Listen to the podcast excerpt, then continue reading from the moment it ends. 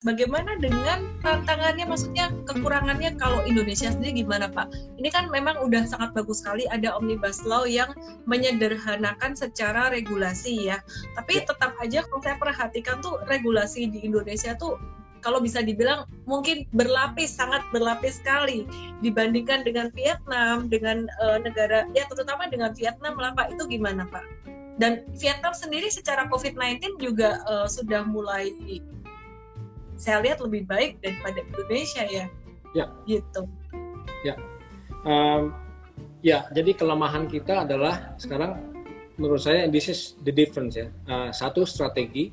Jadi Indonesia itu strateginya kita sudah benar omnibus law, uh, penerapan vaksin dan sebagainya. Uh, kemudian juga apa um, ya asing mungkin masih misunderstood kita tapi kelemahan kita adalah atau bukan kelemahan saya uh, mungkin saya cenderung menggunakan kata resiko ya Ellen ya. Resikonya adalah dalam hal ini eksekusi, eksekusi dan implementation. Karena um, kita tahu lah bahwa Indonesia hmm. negara kepulauan ya, 17.000 pulau. Uh, untuk mendistribusikan vaksin sedemikian luasnya dan uh, dengan program pemerintah yang cukup agresif, saya kira uh, akan sulit untuk mencapai 100% uh, dari the whole plan ya menurut saya.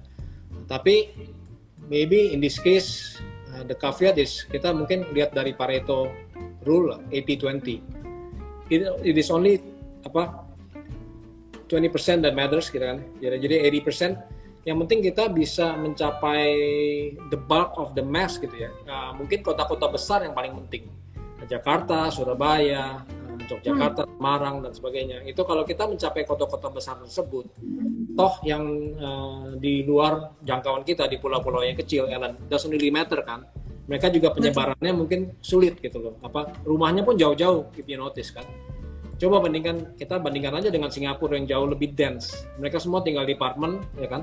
Uh, ya ini this is a blessing ya. Kalau misalnya mungkin program pemerintah housing di Jakarta sudah sedemikian sukses seperti di Singapura, then we are in trouble.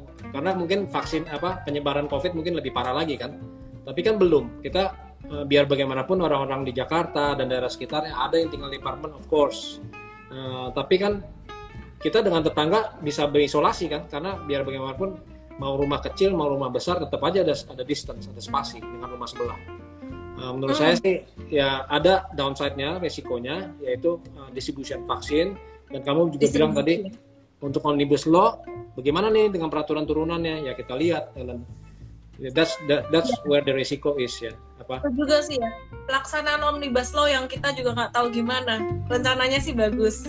Ya, Oke, okay. ya, banget